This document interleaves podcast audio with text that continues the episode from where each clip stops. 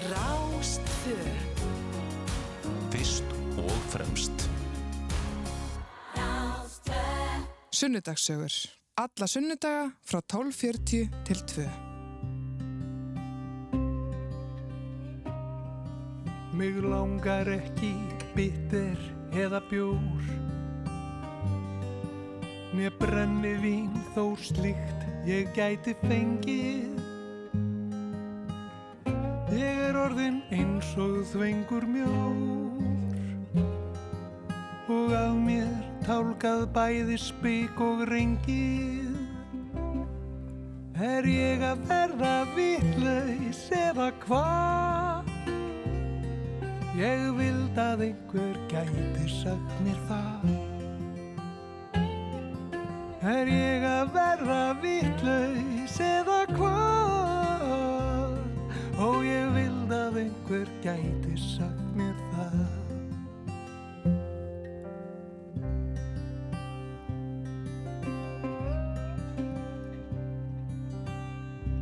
Ég lærði sögum líin mann.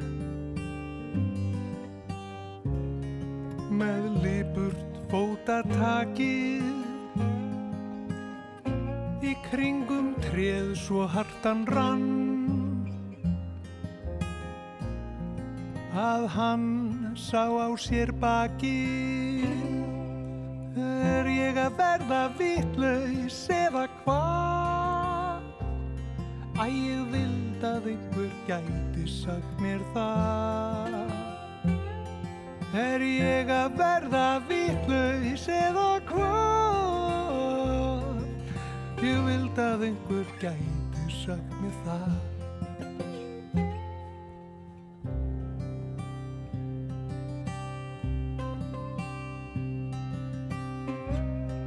Ef ég fer, þá fer ég ber og ferðast eins og gandi. Ég er þekktur heim og hér sem holdi klættur andi Er ég að verða vitlaus eða hvað? Ég vild að einhver gæti sagt mér það Er ég að verða vitlaus eða hvað? Mm, ég vild að einhver gæti sagt mér það Er ég að verða vitlaus eða hvað? Æ, ég vild að einhver gæti sagt mér það Er ég að verða vitlaus eða hvað?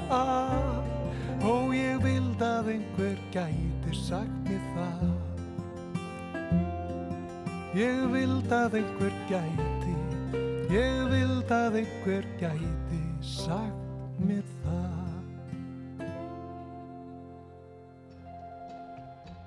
Sunnudagssögur. Alla sunnudaga strax eftir hátegisfréttir.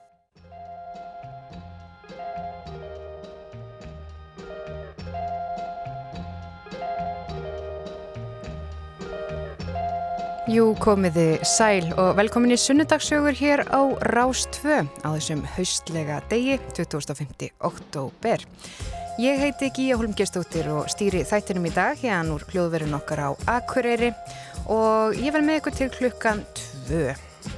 En eins og alltaf í sunnudagssögum þá fáum við gest hingað í heimsókn sem að segja okkur frá lífi sínu og hugðarefnum og að þessu sinni er viðmælandi minn grunnskólakennarin Ólöf Ása Benediktsdóttir. Hún Ólöf Ása, hún er kennari við Hrafnagilskóla í Eyjafjörðasveit og hún var nýverið tilnæmt til mentaverlunana 2020 sem framúrskarandi kennari. Og hún Ólöf Ása, hún er tilnæmt fyrir frábæran árangur við kennslu að úlingastígi, fjölbreyttar kennsluaðferðir og óbílandi trú á hæfni allra nefnda. Já, það verður notalegt að spjalla við hana Ólöfu Ásu hér á eftir en já, ég hef nú búin að heyra það frá nokkrum sem að þekkja til hennar að hún reynlega geistlar af gleði og jákvæðni og það er alltaf gott að spjalla við svoleiðis fólk. En hún Ólöf Ása mun setjast hérna hjá mér uh, um klukkan eitt en við skulum fyrst heyra hérna smá tóna í viðbútt. Nú er það Múkisson og GTRN hér með lægið Heim.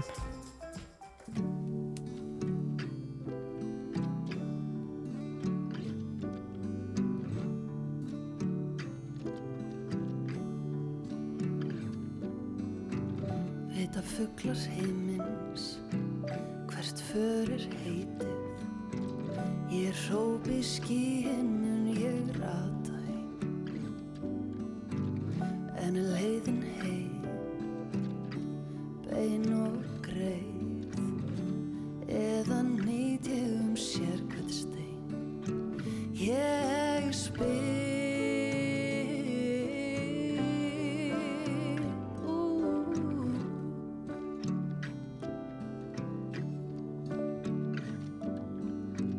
Ég þannig seglinn mist kjark við næsta lof Þá hefur hlátur þinn oft bjargað fyrir hot Tilviljun örlög rist í lóa eða stein. Skiptir engu þar sem þú ert. Þar er heim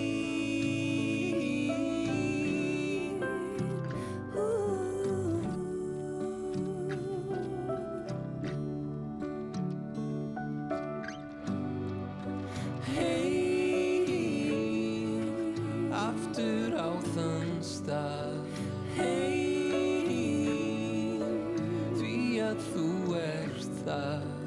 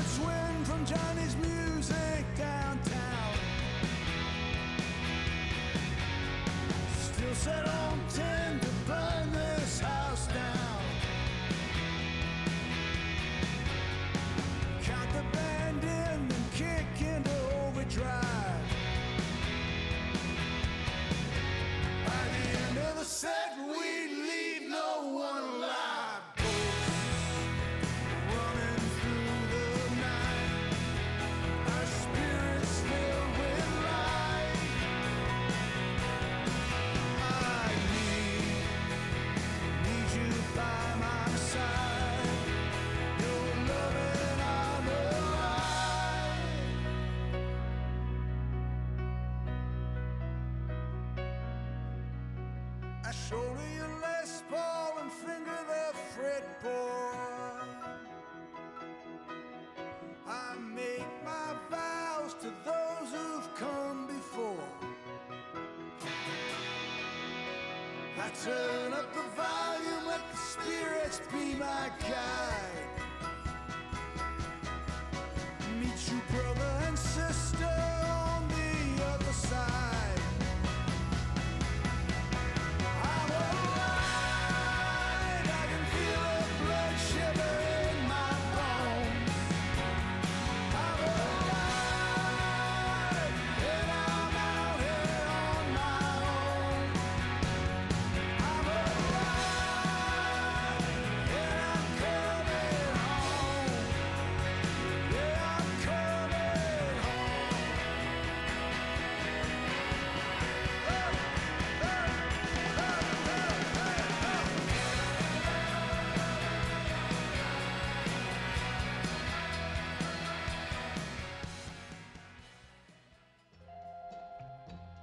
Sunnudagssögur.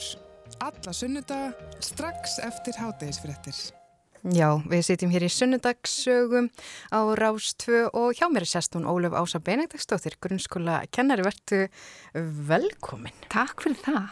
Jæja, ég sagði hér í kynningu að þú hefði verið tilnæmt sem framúrskarandi kennari í mentaverlunum 2020. Hvernig tilfinning er það nú? Það er bara mjög góð tilfinning og ég er bara stolt og ánægð en þetta var náttúrulega óvænt og mann finnst svona svolítið skrítið að hérna, einhvern veginn að veita því viðtöku. Það er svo margir kennarar og allir að gera góða hluti og allt þetta Já. en ég er bara ákveðið að hérna, vera bara mjög stolt af þessu og ánægð með þetta. Já, og þetta er fengulegur hópur þarna. Já, heldur betur. Það eru fimm, fimm kennarar tilnæmdir og hérna eitt kallmaður og fjóra konur og allstara landinu og öllum skólastegum og ég get ekki betur að lesa mig til um þau að hérna, þau sé að gera alveg framúrskarandi hluti Já. sem og kennarar um allt land, það er þannig. En þetta er skemmtilegt að hafa svona velun, þau auðvitað vekja aðtikli á starfinu. og- Akkurat, og, það, er og, það, já, það er það sem mér finnst mjög mikilvægt að bara fá jákvægt umtal um skólastarf og í mínu tilviki grunnskólastarf Já. Og hérna bara, ég myndi gertna vilja að, að við, það er alltaf neikvæðar aðtar oft í fjölmiðla, það er einhver eins og við þekkjum, við erum með töpundin trúnaði og maður heyrir aldrei neitt svara fyrir sig þannig, en það má það ekki. En hérna og fólk hefur almennt sem betur fyrr mikinn áhuga á skólastarfi margir eiga börn og allir hafa gengið í skóla. Þannig ég vil gertna að við höldum á lofti bara þeim jákvæðum breytingum sem var orðið á skólastarfi. Já. Og bara öllu því góða starfi sem að fer fram í skólum landsins. Þetta er auðvitað starf sem að hefur gríða mikil áhrif og maður man alltaf eftir kennurum. Algjörlega. Allavega ég man eftir kennurum sem höfðu áhrif á mann í, Algjörlega. í æsku. En talandi um æskuna, við skulum aðeins tala um þína æsku. Við ferum nú svona alltaf pínlítið tilbaka í, í grunninn hér í sunnudagssögum. Já. Þannig að Ólef Ása, ef þú segir mér bara, já, hver er svona þín, þína rætur, hvaðan kemur þú? Já, ég er fætt í Reykjavík og hérna fóreldra mínir um, eru bæði úr sveit og þegar ég er á fymta ári þá flytjaði þinga til Akureyrar og pappi er hérna úr þingaðasveit og úr, úr bæði sem að heitir Landamótsil og mamma er frá Vopnafyrði, bæði sem að heitir Hátegur Já. og þannig að þau eru bæði svona sveita fólk og, stundum hefur sagt um mig að ég sé, fólki finnst ég vera forn í tali eða jafnvel oft eru spurðaði hvort ég sé alveg upp í sveit. Því að eins og gengur þá bara báru þau með sér sitt uppeldi og hérna alltaf hérna saltgjöts tunna fyrir utan og, og það var slátur og, og allt þetta sem að hérna allt sem að fylgdi þeim. Saltkjöts tunna, það er nú, Eh, já. ansi fórt Þetta, já, svona mynd sko að því að þau byggðu fóreldra mínir, þau kefti eins og tíðgæst 89 kefti fókalt og byggðu raðhús eða hérna, íbúð í raðhúsi, það voru fimm íbúðir. Það var svona, ég, ég seti alltaf fyrir mér eins og föstum liðum eins og venjulega. Og hérna, að því að það tíðgæst á þessum árum að hérna, ég veit ekki nákvæmlega hvernig lánamálin voru en allavega flutti fólk inn bara helst á steipuna. Já. og það pappi var með markmið að flytja inn fyrir jól og við fluttum inn á þólasmessu og, og hérna það var bara allt rátt og þetta er mjög sérstætt að hugsa um þetta og lítið á húsgögnum og ekkert á gólfunum og allt það. Hvað varstu þá gömur? Þá hef ég verið bara rétt að vera tí ára. Þannig að hérna, já. En ég er sérst alin upp, sérst, hérna, ég á ekki ættgarð hérna á Akureyri, ekki á Mafa en eitt slíkt, en hérna mikla rætur austur, austur og land Já, og hérna ekki síst til Vopnafjörðar og fóreldra mínir eru pappið sérst kennari og kendi alla sína tíð meira og minna í verkmyndsskólanum frá því að hann var stopnaður bara held ég. Og heiti Bendit Brásson og kendi íslensku.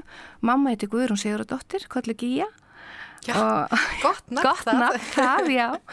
Og hérna er félags hún er hérna, hvað heitir þetta nú sviðustjóri Já. yfir fjölskyldu deild þetta er búið að bera mörg nöfn. Þetta var hérna gamla félagsmálastofnun.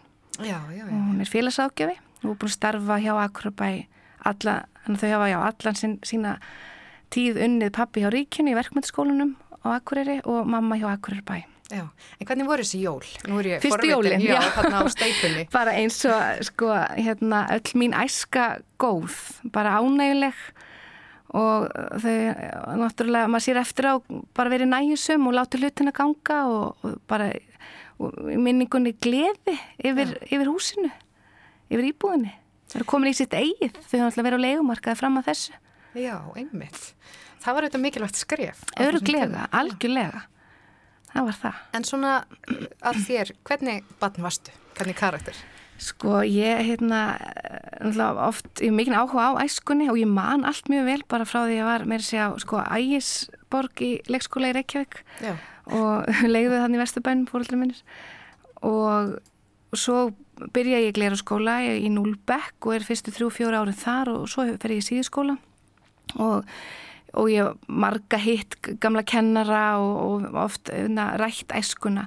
Ég var bara alltaf glöð og ég á enga minningu um reyði eða ósætti eða óanægi, það er alveg með ólíkjöndum Já. kannski finnst fólki óþórlandi að heyra þetta og kannski finnst einhverjum í óþórlandi en ég bara, ég er mjög lánsum, ég átti mjög góða æsku og bara mikið ástríkja mínu heimili.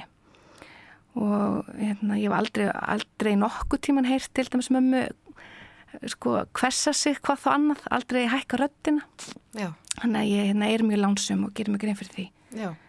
En uh, hvernig ertu fætt? Bara svona sem við staðsetjum já. okkur aðeins í tíma. Ég fætti í janúar, 30. janúar 1980 Já. og í Reykjavík, já og hérna er þá á fymta ári þegar við flytjum hinga til Akureyrar Þannig að þú ert nýjórum færtug. Já, já, takk fyrir Hvernig- það. Hvernig var sá áfangi? Heyri, það var bara síðasta partíð fyrir, fyrir COVID, sko, get ég sagt þér. Nákvæmlega. Ég á ammali 30. janúar held, held upp á það 1. februar sem var lögadagur og maður minn kvætti mig, ég var svona aðeins að draga lappinu eftir jólin að nenna þessu í, í janúar hríðinni og jú, bara við erum svolítið veistlu glöð og Mhm. bara við sjáum ekki eftir þessu, þetta var virkilega skemmtilegt og, og ég hef bara ekki farið í færtu samali síðan þó ég er nú marga vini sem hafa orðið færtu síðan. Já, ymmit. Út af því að það er bara veisluhöld hafa lagst Það er bara svolítið svoleiðis. Mm. En Ólef, Ása, segð mér frá fjölskyldunni þinni.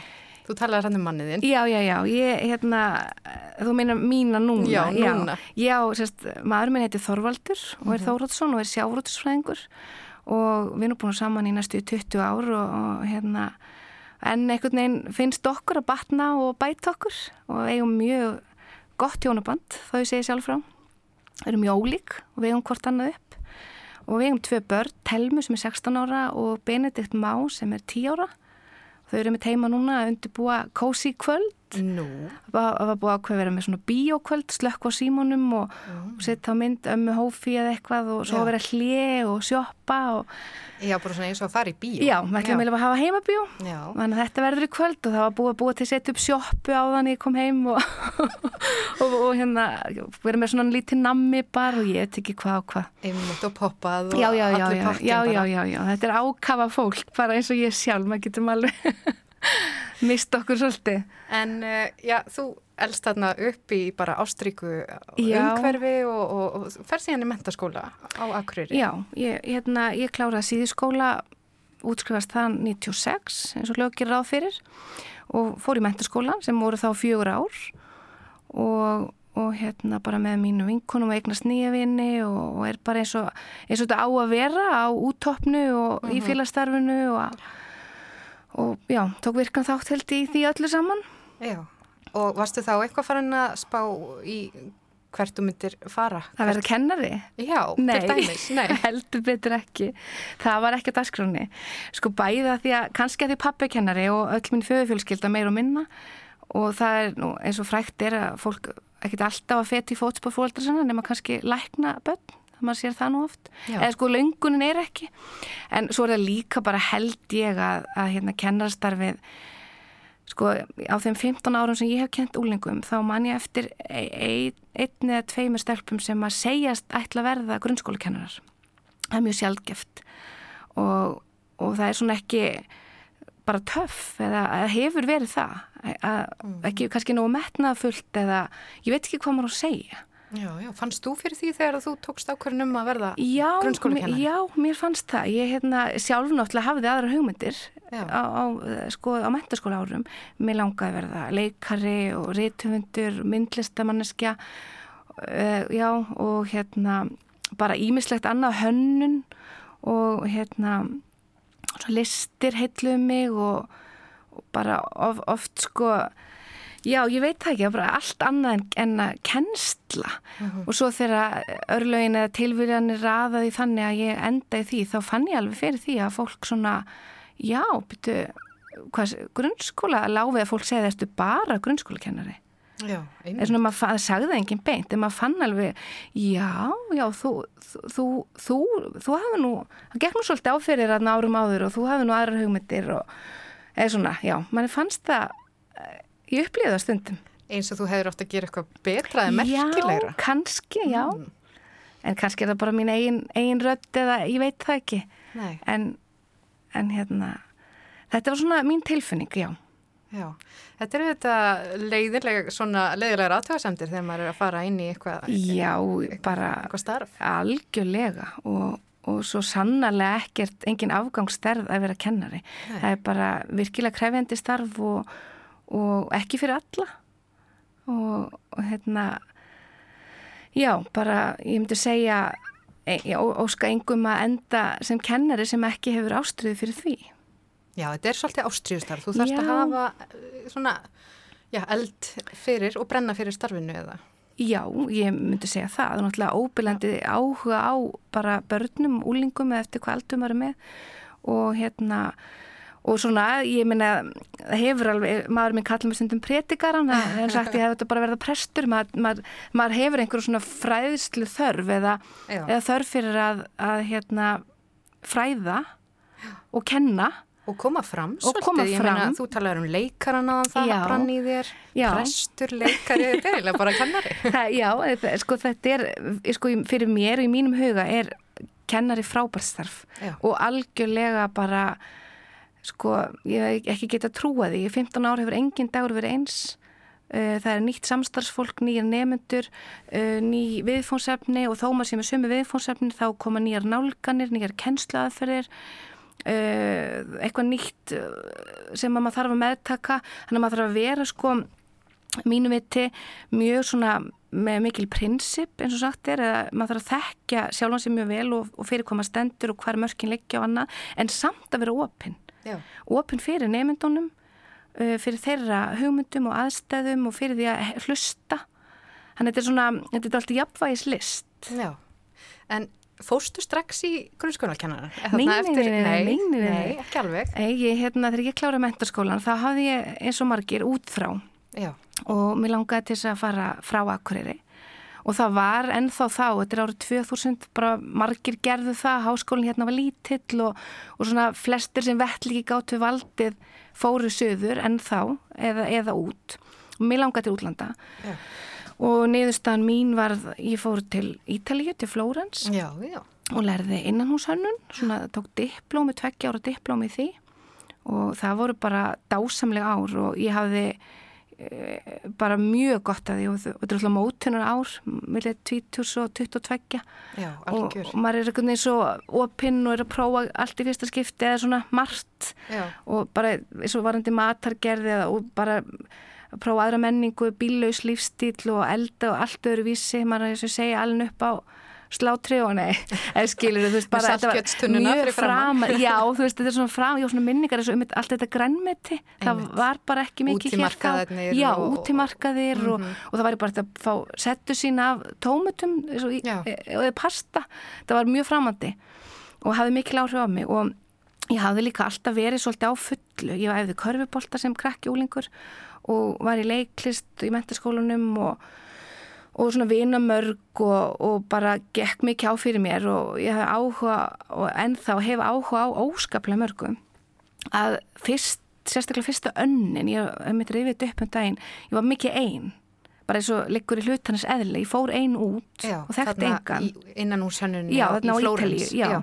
Og ég var, nú gekk mikið um einn og var mikið einn og það var ótrúlega gott fyrir mig og ég hafði mjög gott af því. Og ég sæki stundum einan tíma og stundum hugsa ég bara, ó, mér langar svo í frið, ég bara vildi geti, fengi, akkur allir alltaf ringi mig og, þú veist, eins og eignast maður börn og mamma, mamma og þetta og Já.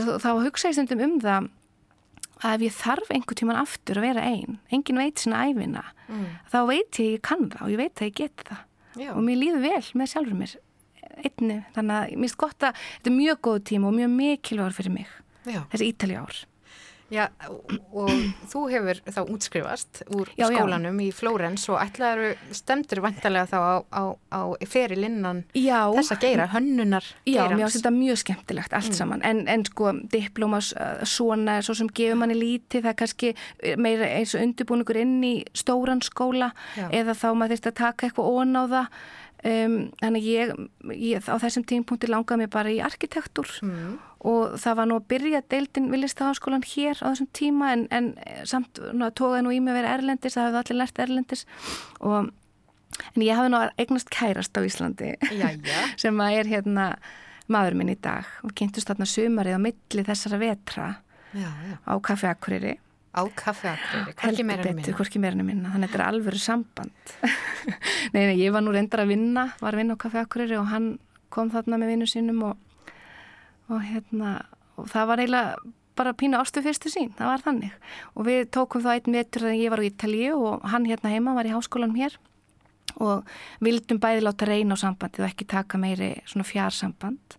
Þannig ég varð að koma hérna heim til Akureyrar og reyndi nú að sækja um einhverju vinnur og fekk nú ekkert og, og ég, mér alltaf gengið vel í skóla og mér veist mjög gaman í skóla þannig að það hafði ég nú bara ekki hugmyndaflugi annað en að fara í háskólan Já.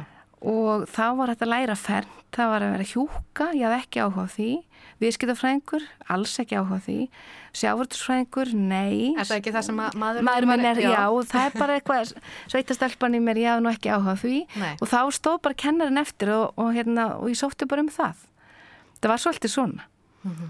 og ekkert mjög ígrundað og, og ekki drauma eh, að ég er ekki búin að hugsa um þetta sem, sem ég var krakki eða þannig. Já, já. En fljótlega, ég get alveg viðkjönd það, fljótlega eða sagt frá því að fann ég, ég átti erindi, ég fann það, mér finnst námið skemmtilegt og margir kennarar sem hafðu áhrif á mig og kynntist skemmtilegum fólki og vinkunum mínum sem er enn í dag og, og ég fann bara mjög fljótlega, ég tala um þegar ég fór í verknámið sem var á heil önn sem að ég tók í ótteraskóla að ég hafði eitthvað, ég átti erindi, ég fann Já. það.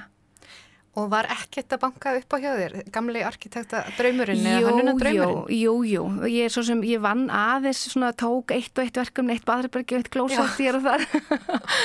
Og hérna, svona held ég við þannig, en svo bara fljótlega svo eignust við stelpun okkar og, og maður hefði svona nóg annað að gera Já, þannig að þú Og- sóttir ekkert um í skóla til þess að fara Jú, jú, jú, jú, Jú. meinar það, auðvitað ég reyndi það, ég var búin að gleyma því, já.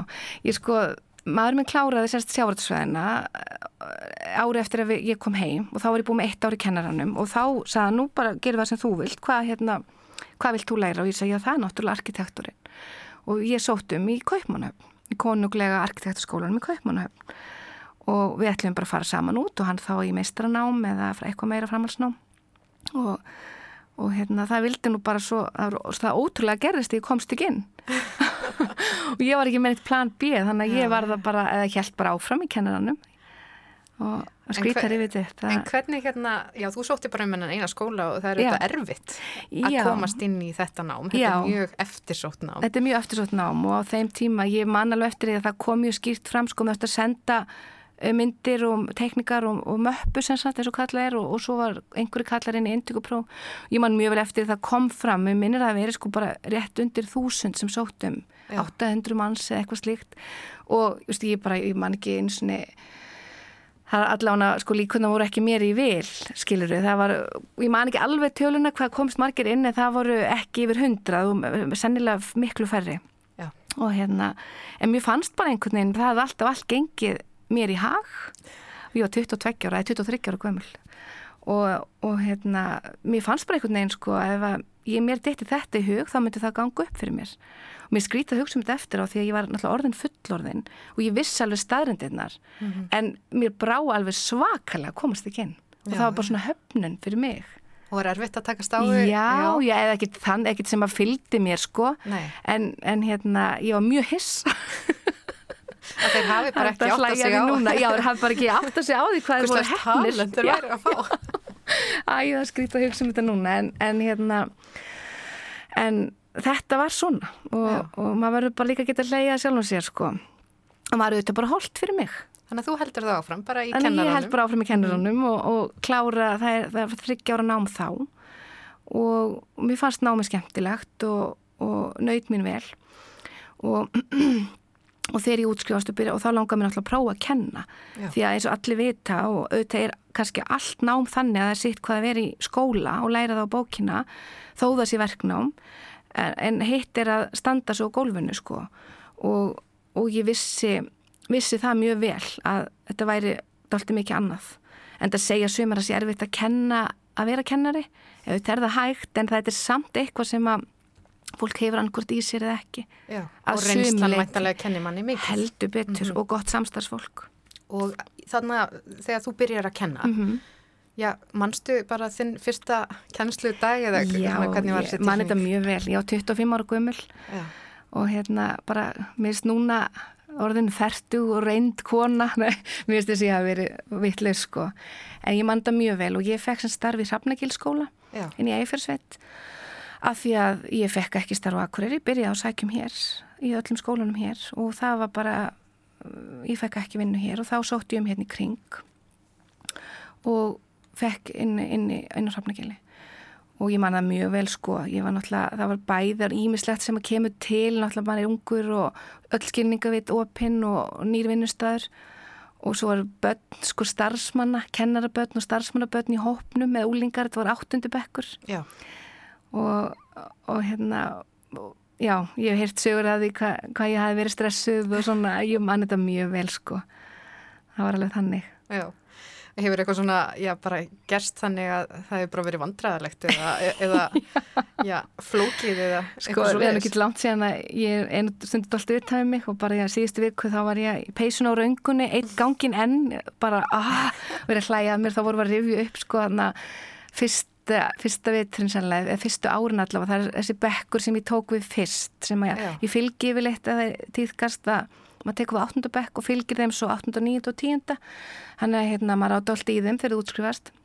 Og fyrsti bekkurum minn, þau eru fætt 92 þau hérna eru svona eftirminnilegust sko. Og, og það er mjög eftirminnilegt að ég var eins og með kennaranema með þennan hóp. Eða þú veist hún hefur bara verið í, það var stúlka að hérna kona að horfa Ekkit, hún var ekki heila önn hjá mér en eitt þannig, hún er bara fylgjast með stóð svona aftast og og ég var upp fyrir töfluna eins og leikar á sviði og er að tala og baða út öllum öngum og allt þetta og, og hérna reyna, reyna að gera eitthvað viti og segja eitthvað viti og þau eru rosalega skrítin krakkanir, þau bara eru alveg steinrunnin og, og mér finnst þau bara eiginlega skrítin. Og ég held að vera eitthvað svona að því að væri kennaranemi og, og ég hvað er að ykkur segi og, og segið ekki neitt og bara dauða þögn og, og hérna og þetta er á þeim árum að var, ég var, var í svona díselgallaböksum, það var í tísku og með hendur í vössum og og svona graflaði út vasana og svo enda með því einn stúlkan var hugrökk og kom og þá var ég með opna buksnaklöf og ég, ég skær grætni brók og svo leiðis reif alltaf upp einhvern veginn buksunar, þetta er alveg hræðilegt. Ég bara, ég fór nú klósett og grenjaði þegar þessi tími að búin sko. Og þetta er mjög eftirminnlegt af því að ég var, þetta var svona eins og í bíómynd, þú veist, ég var svo bara ég mig grunna, ég, ég bara skil, mér fannst þið svo skrítinn Já. og enginn þorði að segja neitt En þessi stelpa kom þarna Já, það var ein hugrekk, Já. sko, já. Og, var það þannig að hún rétti pönd og sagði Nei, hún stóð upp og bara eins og hún var að fara á klósettið og svo kom við hjá mér Já, rosalega var hún sniðu mjög. Tilfinninga næm hann Heldur betur, hún er kennar í dag, Jæja, þessi. þannig að þetta er svona eitt af þessum eftirminnilegu Já, já, já, og eru mörg, sko, alls konar. Já, en hvað, þú fannst strax að þetta ætti vel við þig Já, Mhm. ég get ekki sagt annað, ég fann það strax. Og líka bara því að ég kem inn í skóla sem að, sko, það hefði hérna, verið þannig andrumsloft og, og hérna, skólastjórn og aðstofskólastjórin sem er Karl Frímarsson og Anna Guðmundsdóttir og aðstofskólastjóri, þau voru svona drauma teimi eins og sagt er, mjög ólík en mjög góð saman. Og þau hefðu skapað skólabrag og anda sem að fyrir mig það er ekki hægt að byggja það betra. Og líka bara kennarahópurinn og starfsmannahópurinn bara allt frá reytaranum í bara hvert sem er sko. Og, og svona öðrum ólöstuðum að þá hérna bara fann ég strax að hérna, Björk Sigurðardóttir, hún kendi með mér á úlingastigi og er núna reyndar aðstóð skólastjóri við skólan og, og hérna Hrund Laufustóttir er skólastjóri og þær aftur saman, þær tvær hafa líka náð einhvern veginn að vega hvora aðra upp og, og, og hérna, eru mjög, mjög stert stjórnenda teimi, finnst mér og eins og Björk, hún var svona mín fyrirmynd, ég fann strax að hún, hennar kennslu hættir ættu við mig og mér langaði að vera svona. Já, og hvernig er það að vera svona? Já, vera svona, það er ég, nú, ég, þá meina ég, ég bara á, reyndar áhuga á fyrirmyndum og, og það eru bara margir sem hafa haft mikil áhrif á mig, náttúrulega fyrir utan það augljósa fóreldra mína og ég á einu ömmu og vopnum fyrir þessi mikil fyrirmynd. Og svo hef ég haft kennari gegnum tíðina Svöni, Núlbekk og Ölmu Ottges og, og hérna, alls konar sem hafa, bara er mjög eftirminni að hafa haft áhrif á mig. Já. og maður skildi aldrei vann með það áhrifin sem maður hefur á aðra. Sko sérstaklega kennarar og allt það. En þú hefur áhrif á mig núna og við höfum öll áhrif á hvert Já, annað. akkúrat. og maður á ekkert að vera feimin við það að tala um fyrirmyndir að því að maður ætlar ekki að vera nákvæmlega eins. En maður getur tilenga sér eitthvað gott. Ef maður á að sækjast í fólk sem að hérna, gefur mann eitthvað gott Og áhugavert á sérst að tala um, um, um já, fyrirmyndir út af því að þú vinnur þetta með úlingum og það eru þessir áhrifavaldar svo algjörlega. mikið í umræðinni og, og kannski fólk sem að er bara já, í annari, öðrum heimsálfum sem þau kannski líta meira til heldur en nærsamfélagsins. algjörlega og mér finnst mikilvægt að nú hefur við verið að vinna svolítið með fyrirmyndir bara í, í hérna skólanum eða með úlingunum, mér finnst mjög mikilvægt að reyna að fá þau til að hugsa sér nær. Það er alltaf lægi að dyrka einhvern fótboltamann eða söngkonu eða leik, skiluru, einhvern útlöndum og gott og blessa en við vitum samt ekki að því að þegar við erum að láta þau segja, láta þau segja sko, hver, hver, hver er fyrirmyndin þín og svo framvegis. Og þá svo lætum þau líka segja hvað er það í fari viðkomandi sem þú horfir til.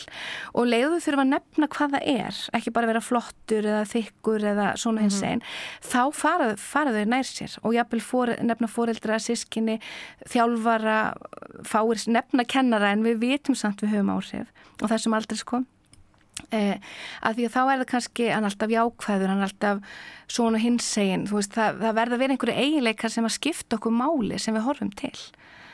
Og, og eins og með hana hérna, Björk að, þá er, var það þetta að tengjast neymyndunum, að halda samt allt á ramma, vera svona stöðugur. Um, það skiptir öllu máli í kennarastarfinu. Ég var alltaf sagt að maður þarf alltaf að vera í góði jafnvægi bara andlega það þýðir ekkert að vera, mjög, finnst mér, mjög sveiflóttur eða, eða hérna, hvað segir maður, mislindur. Það er ekki gott fyrir kennara.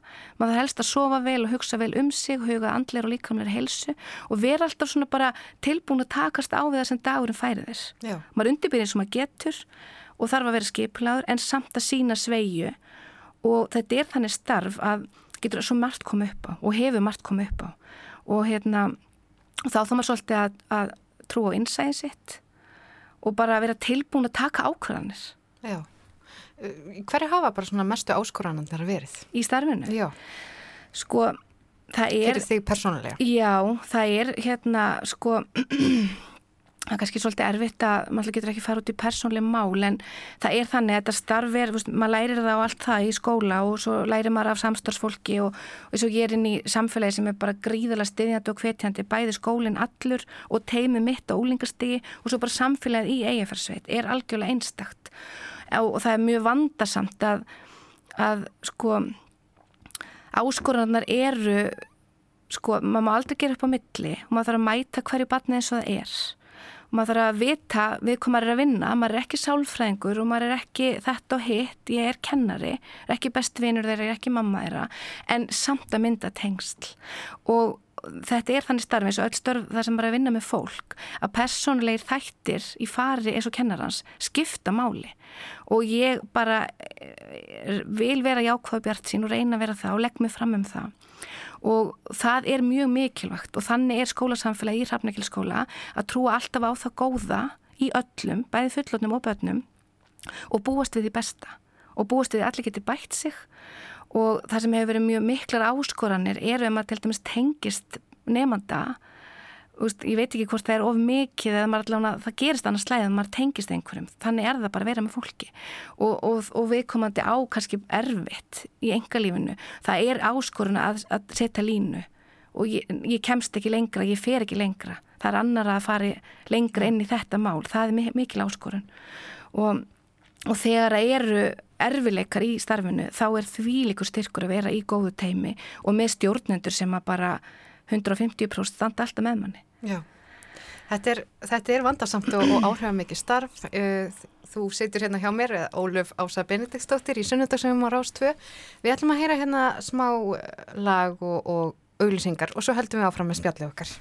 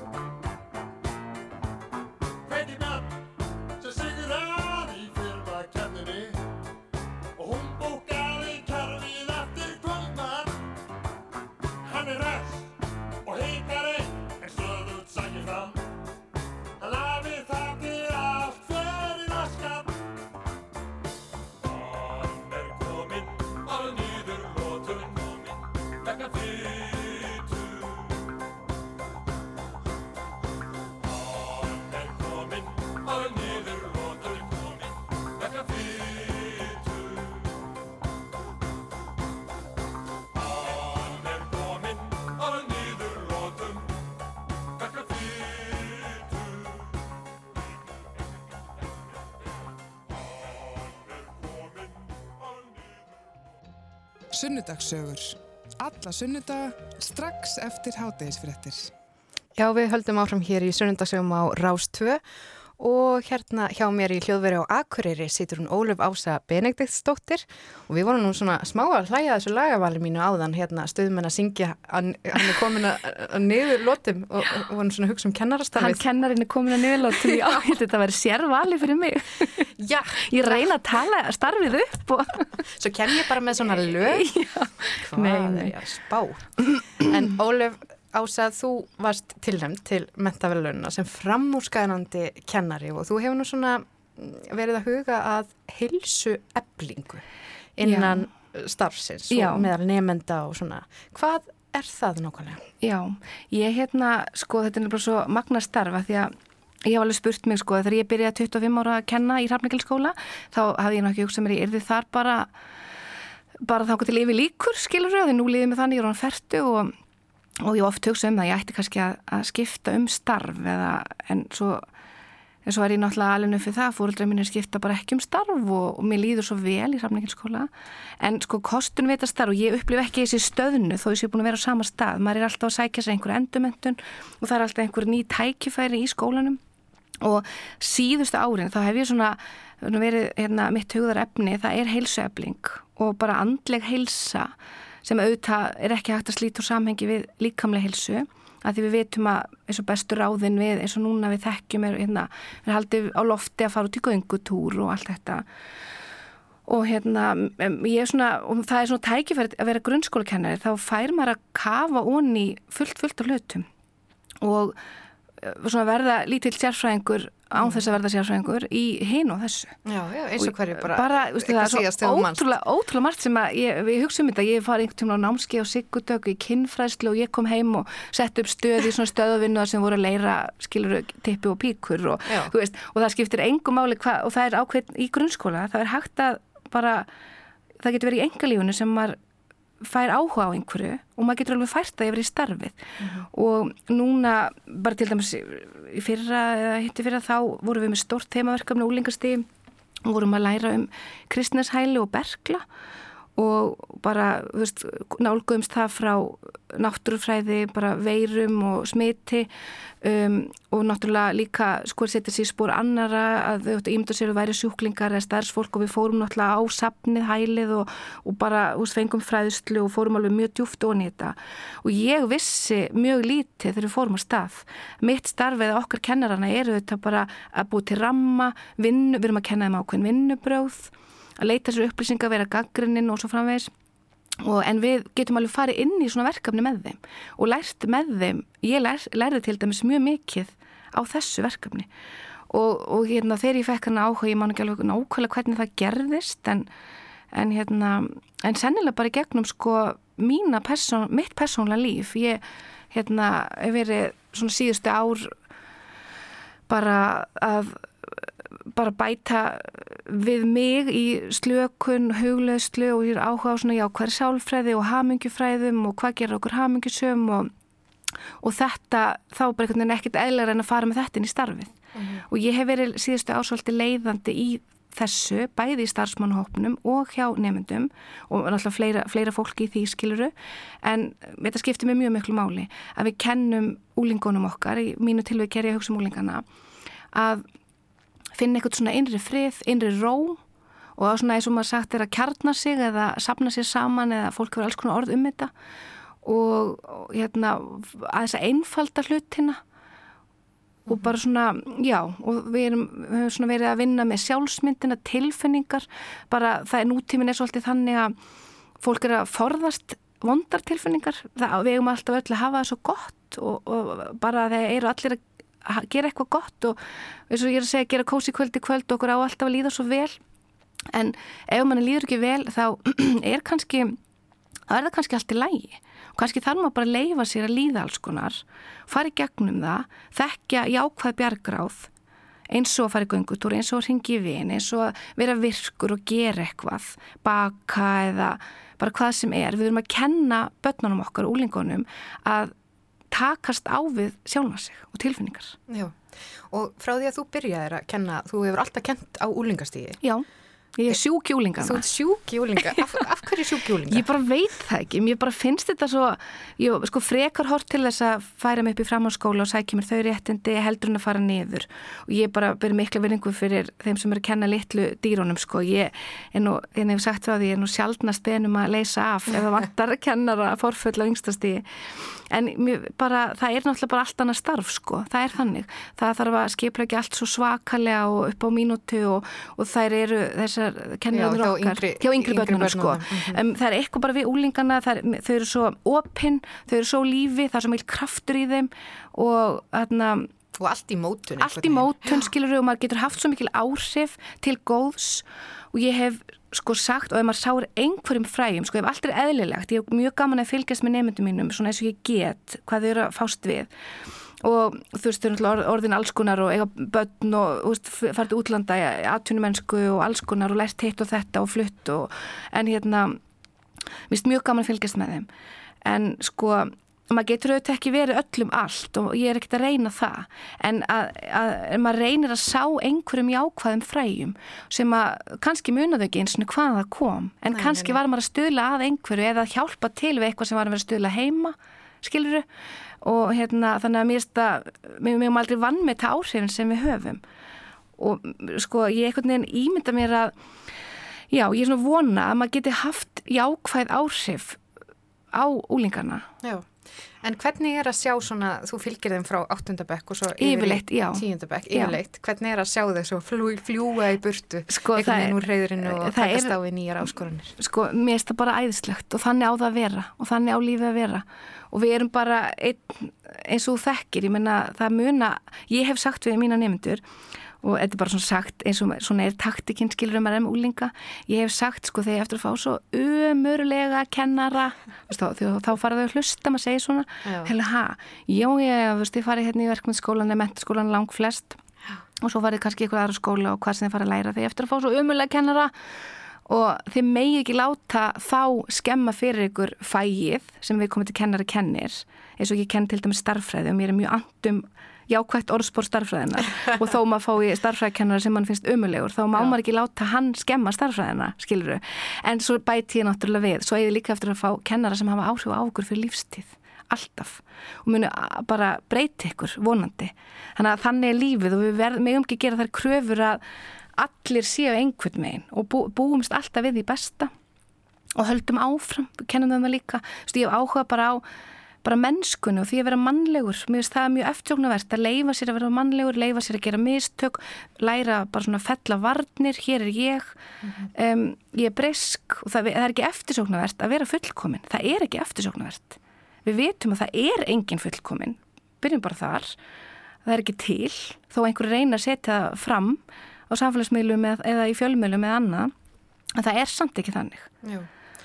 Þetta er auðvitað áhugavert líka í ljósi, já, það eru bara breytingar á veruleika til dæmis úlinga. Ég meina, hvernig hefur þetta breyst frá því að þú byrjaðir að kenna 2005, Já. bara þanga til núna? Hvernig er svona, já, allt það sem að úlingar takast á við í lífinu? Sko- Hefur fundið einhverja breyting á þessu? Já, já, sko stærsta breytingin er náttúrulega um, hérna símadnir og, og internetið, það er þannig. Og við erum auðvitað búin að fara eins og flestir aðri skólar í marga ringi og það er búið að reyna í skólum landsins bara ótrúlega margt, það er búið að banna það og þetta er farið í fjölmila, það er búið að banna síma, búið að banna, búið að símalu er búið að leifa þá og allt þar á milli. Og ég hef sagt, ég man nú ekki, ekki hvað ég heyrði þetta en sko ég hef þá trú að setna bara eftir einhver ár, ég veit ekki hvort að vera 5 eða 10 eða meira, þá munum við horfa tilbaka og hugsa bara hvað muni bara eins og bara eins og þau erum að horfa að sjá núna þegar fermingaböld fór í ljós, skiluru Já. og það er krabba misvaldandi og við veitum það núna að enginn myndi senda barn í ljós í dag. Eða þá að fólk er að reykja bara inn á kennarstofu við hlæjum að þessu í dag því við veitum betur. Ég held að við munum horfa tilbaka. Bara guðmunni þegar við letum bara börnin hafa bara frjálst aðkengja interneti bara, alveg nýri leikskóla. Ég held að þetta, við erum eftir að horfa á þetta svona setna en, en eins og í öllu öðru þá bara er eitthvað millivegur skiluru og við, þetta er komið til að vera og ég er heldur ekki hlindi að, að þetta leysi allan vanda. Við þurfum að kenna þeim að umgangast þessi tæki og þau verða að geta lagt þau frá sér. Og eh, fullur fólk hefur ekki sjálfsaga til þess að láta alveg vera að kíkja á rúf.is eða mbl eða eitthvað annað skiluru, þegar það er að ávera að gera eitthvað annað. Þá getum við ekki allast til þess að 13 ára börn geti það. Þannig við verðum að kenna þeim stundum að leggja frá sér símanna, leggja frá sér internetið og bara vera í því verkefni sem er verið að gera þó það sé eins og bara ég, bara ég tek sem eitthvað dæmi algebra eða eitthvað sem ég er að kenna en við nýtum okkur tekninu, við erum reyndar Já. mjög döglu við það í Hrafningilskóla og, hérna, og reynum að, að nálgast þetta á svona jákvæðin hátt En hvað fög kennir þú? Ég kenni starfræði mm. og svo erum við, ég hef kent íslensku líka lengst af og ég hef kent náttúrfræði, ég var á raungrina sviði í kennardeildin hérna Þannig að mér finnst mjög gaman að kenna náttúrfræði og starffræði og, og íslensku og, og hérna svo hefur við verið með svona við kallum það vinnustundir þar sem við erum svolítið að reyna að mæta bara við eigum alltaf samkvæmt sko að kenna svo óendala margt. Mm -hmm. og ég spyr mér stundum er ég að vera gömulega þegar ég, ég farin að segja get ekki heimilin gert eitthvað? Þegar við erum með sko fjármóla læsi, kynfræðslu þú veist, bara borðsiði og það er svo margt sem við eigum að kenna þeim sem já, að... Þegar ég kenna þeim barnum borðsiði? Já, ég tek svona sem dæmi, við, við reynum það. Já, við reynum það í matsalunum en hérna þannig að við erum með svona, við kallum að vinnustundir þar sem við hefum svona tækifæri til að gera alls konar og við náttúrulega bara finnum markminn og tengjum það við námskrona og allt það en það til dæmis kristnisverkefni var þar og Þarna hefur verið með svona lífsleikni eins og til dæmis þetta vinnan með sjálfsmyndina hef ég verið með þarna og svona slökun og, og hugleðslur það hefur verið inn í þessum vinnustundum. Mm -hmm. Þetta er svona allt múlíkt eins og maður segir. Já, en maður heyri bara að þú brennur fyrir starfinu, svona eins og já, kennarar eiginlega þurfa að gera til þess já, að... Já, flestir hérna, gera, já. já. En hvað gerir þú svona í þínum frítíma bara til að hlaða batteríin og, og geta verið til staðar í, í þínum störfum? Ég sjálf, já. já. Sko ég hef hérna rosalega gaman að vera úti, ég hef alltaf held í verið þannig, mér gaman á skýðum og mér gaman í gönguferðum og bara svona ég hef sagt ég er súrefnisvíkill, mm. ég sakna þess ekki að fara inn líkamsræktastöðar þó ég hefði kannski já. gott að því, en mér finnst, hérna, mér finnst rosalega gott að fara út já. og vera úti og ganga og svona setni árið það er sjálfsagt líka ellimerkja, við höfum farið tvö, tvö sömur núna og vonandi heldur það verður árilegt á hotstrandir Já, já, með góðum hópi fólks við hjónin og útilegur og já, bara vera úti og það er náttúrulega líka að því að ég hef áhuga á andlega þættunum það er náttúrulega eitthvað í náttúrunni sem bara hjálpar okkur við eigum að vera dugla að hjartengi okkur held ég mm -hmm. og kenna börnunum okkur það því þó að þeim finnist eitna, hérna, já, úling sjálf sko, þau kannski sjá það ekkit alveg alltaf, akkur þarf ég að fara inn í vaglóskó eða þarna og þarna en þau finna áhrifin mm -hmm. og þau mhm. sækja í þetta setna Já En hvað er það við Hortstrandi sem að dregur eitthvað svona þangað? Sko, já, mögulega símaleysi. það er ekki símasamband þar og ekki internetsamband og það er, minn eins og fyrsta skipt sem við fórum, þá upplifum við bara svona, vorum nýju saman og góður hópur og bara einu vegum og við sátum kannski fyrsta kvöldið eitthvað vorum að spjalla og ég, við vorum að tala um hjónin sko, ég veit ekki hvenar við sátum síðast nýju mm. saman að því maður getur tekið ákvarðanir fyrir sjálfmann sig, ég ætla nú ætla ég að geima síman minn eða eitthvað slikt, ég get ekki tekið ákvarðanir fyrir aðra, Já. en þarna bara það hafði engin tök á að heyri börnunum sínum eða ákvarðin veðri væri morgun eða bara þetta sem er gott og blessað skiluru í símónum en það var mjög reyfing, útvera og svona bjarga sér sjálfur, retta öllu, ég er svolítið gaman að því, þrautónum sem fylgja, reyna að sjá fyrir hvað getur gest og, og bregðast við því og leysa það Mér finnst það mjög skemmtilegt. En svo hef, hef ég líka bara áhuga mat og náttúrulega fólki að rekta vináttuna og ég finnst mjög mikilvægt að vera í góðum tengslum. Er það ekkert erfitt fyrir þessi COVID-tími? Þú, þú að náður að halda upp á færtu saman. Já, hérna, skulum ekki gleyma því. Náður því. en svo hefur bara verið já, já. þetta ástand. Hvernig er svona sko, félagstýpan þú sko, að díla við jú, þetta? Sko, auðvitað er það erfitt en, en hérna, samt ekki. Ég, ég upplif ekki erfileika og ég er bara mjög lánsum með það. En ég er líka meðvituð, ég er að passa mig passa upp á heilsunum mín, andli og líkamlegu. Um, það er, þá koma náttúrulega samfélagsmiðlarnir stert inn, við, maður getur haldið tengslum og deilt myndum og svona uh, við fólki sitt ef, að þannig stendur á. Um, við taldum nú til að það er eina sex fermingar sem við vorum búin í sem við mistum af núni í COVID sko, sem að hefði verið vinir og vandamenn. Þannig að sko, við hefur engin nálagt mér vext það er, er engin, ég er ekki með neitt nálægt mér sem er að missa vinnuna eða er í mjög erfiri stöðu út af ástandinu. E, þó að við náttúrulega, ég gerir mér þó ég sé bjart sín og ég ákveða elsverð þá e, gerir ég mér fulla grein fyrir alvarleika málsins. Og við verðum næstu árið áratöga jafn okkur ás, ég veit það. En mér líður ekki illa og ég er hérna bara ég upplif ekki erfileika. Það er ekkert sem hefur gerst, við hefum til dæmis mjög gaman að ferðast við hjónin og náttúrulega hefum ekki farið út hérna, síðan ég var, var færtu en hérna þá, þá ég sakna einskísvarandi það til dæmis. Ég menna ég þú veist, ég er Íslandingur og ég á mitt fólk hér og það er ekkert sem er sást með það, skilur, ef ég ætti mhm. fóreldri öðru landi eitthvað slikt, þá væri það erfitt. Það er kannski, já, þú talar um að aftengjast þegar þú ferði þarna og hortstrandir að tíminn svona það hægist á tímanum, Já. það er kannski það sama og er að gerast núna Akkurat. það er kannski allar þessar fermingar, allar þessar visslu, allar þessum fjöldi sem er bóðið eða, Já, og bara kröfunar sem að fólk setur á sjálft sig og á aðra að hérna, ég veit alveg ég hef hérna, fermingabötnin söm sem ég er að kenna og sem ég þekki ef maður spyr, hérna, og maður er vorkennið um ægila átt að vera svo stórflott vissla þau segja bara mörg bara, veistu, ég er bara fegin og það var þá náttúrulega alltaf, það kemur alltaf nánasta fjölskyldan og það er alltaf, fólk er að gera bara mjög gott fyrir börnin sín í kringum þetta. Sum, auðvitað sum eru með sín en sum eru bara fegin. Mm -hmm. og það örgulega líka við um fert, fólki sem er fært út árun er sumir eru bara fegnir og þurfi ekki að standa fram fyrir ákverðinni þar ég að taka vist, þar ég að bjóða einhverjum eitthvað að gera eitthvað, ég, mér langar það ekki. Já. þannig að það er kannski bara líka það sem ég er að tala með að upplifa maður þarf eiginlega bara svona að vita svolítið hver er ég fyrir hvað stend ég, hvað finnst mér og standa svo með því og taka sína ákvarðanir út frá því. Ég, ég upplifu ekki, sko, við erum alltaf óendalega heppininn á Íslandi í COVID, skiluru, hafa náttúruna og vera ekki með útgöngubann, við erum aldrei lendið því og það er bara hægt að komast svo ótrúlega langt á því að horfa á glasis í hálffullt en ekki hálftómt. Mm -hmm.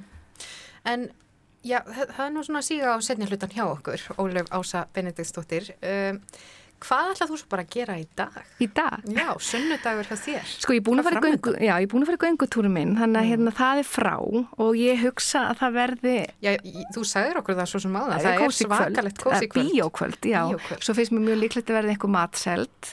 Maður mér var að tala um að búti pasta og hérna, okkur, er, okkur finnst það mjög notalegt og gerðum það til dæmis í vor, þegar var sem hörðust aðgerðnar, þá náttúrulega við vorum að tala um það í vinnunni, við vorum reynda mjög stolt að við heldum op opnum skólanum allan tíman í vor, en við tölum svo sem ekki um margt annað en mat, það var bara við fengum okkur kaffibotla, okkar litli hópur sem holfaði niður, hvað ætli þið held í kvöld og hvað voruð þið með gær og svo verið að skiptast á uppskriftum og, og kannski finnst einhverjum nógum það, en, en fyrir okkur er þetta bara samverðstundir við erum í, við veist, eigum vinað sem hittust og eldum saman og borðum saman og, og við veist, þetta róandi og heimilislegt.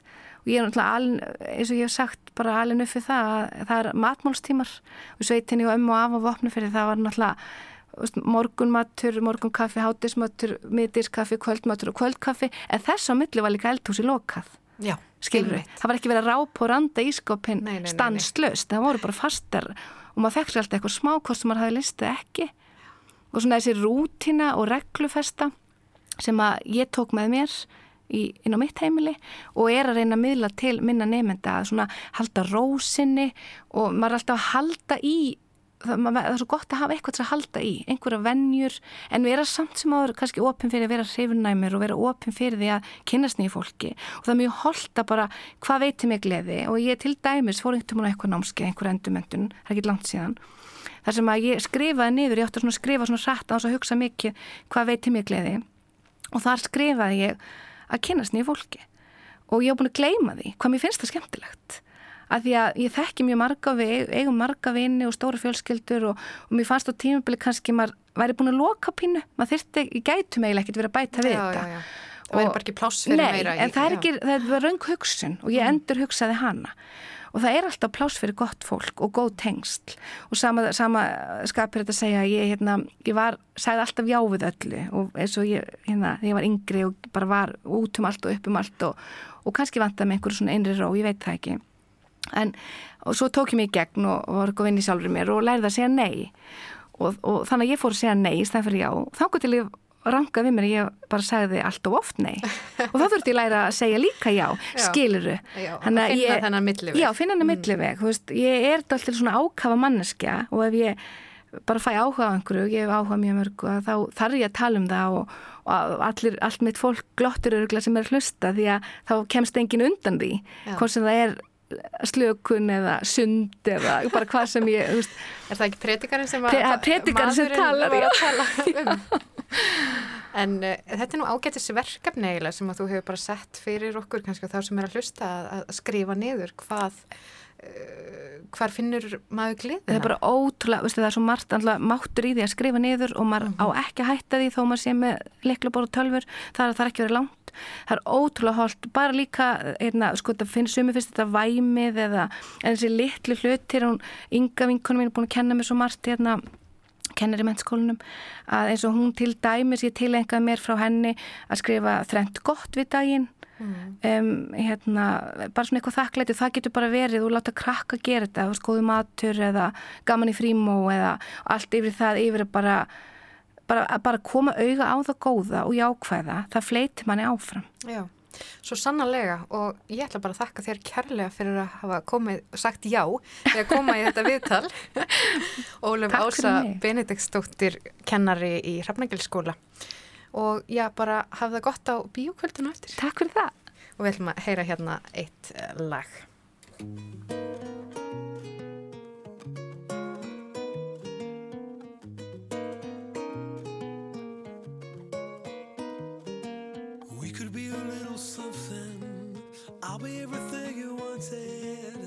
could bring you real comfort, give you a break from loving. I'm trying more just a little.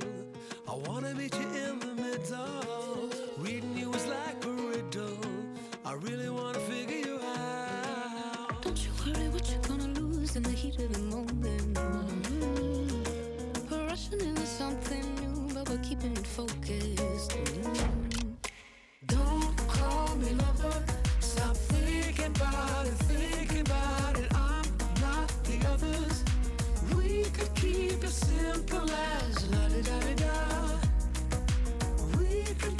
simple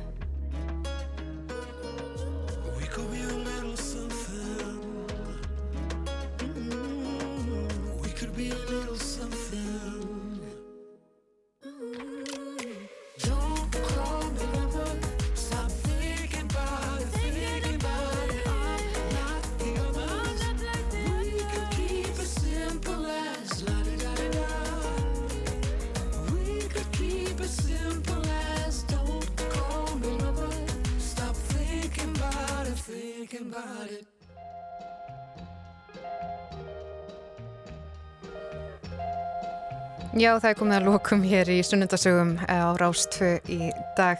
Er búið að vera indislegt að vera með ykkur og, og ég fekk til mín hingað góðan gest, hanna Ólöfu Ásu Benediktsdóttur, grunnskólakennari Hrafnagilskóla.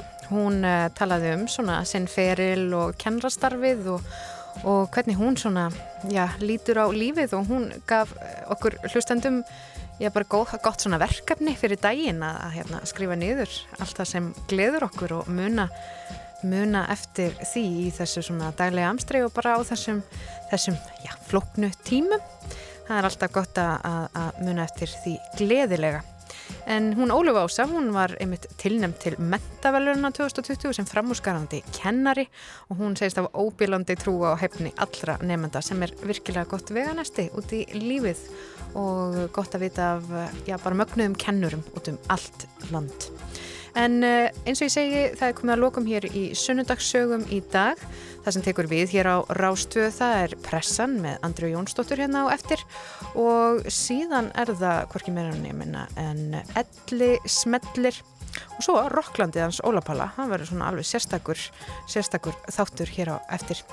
En eh, ég heiti Gíja Holmgistóttir, Holm, ég heiti Gíja Holmgistóttir og ég er bara að þakka fyrir mig í dag og ég hérna kem aftur í sunnundagsögurnar eftir uh, fjórar vikur og þetta er svona rótrast okkar á milli.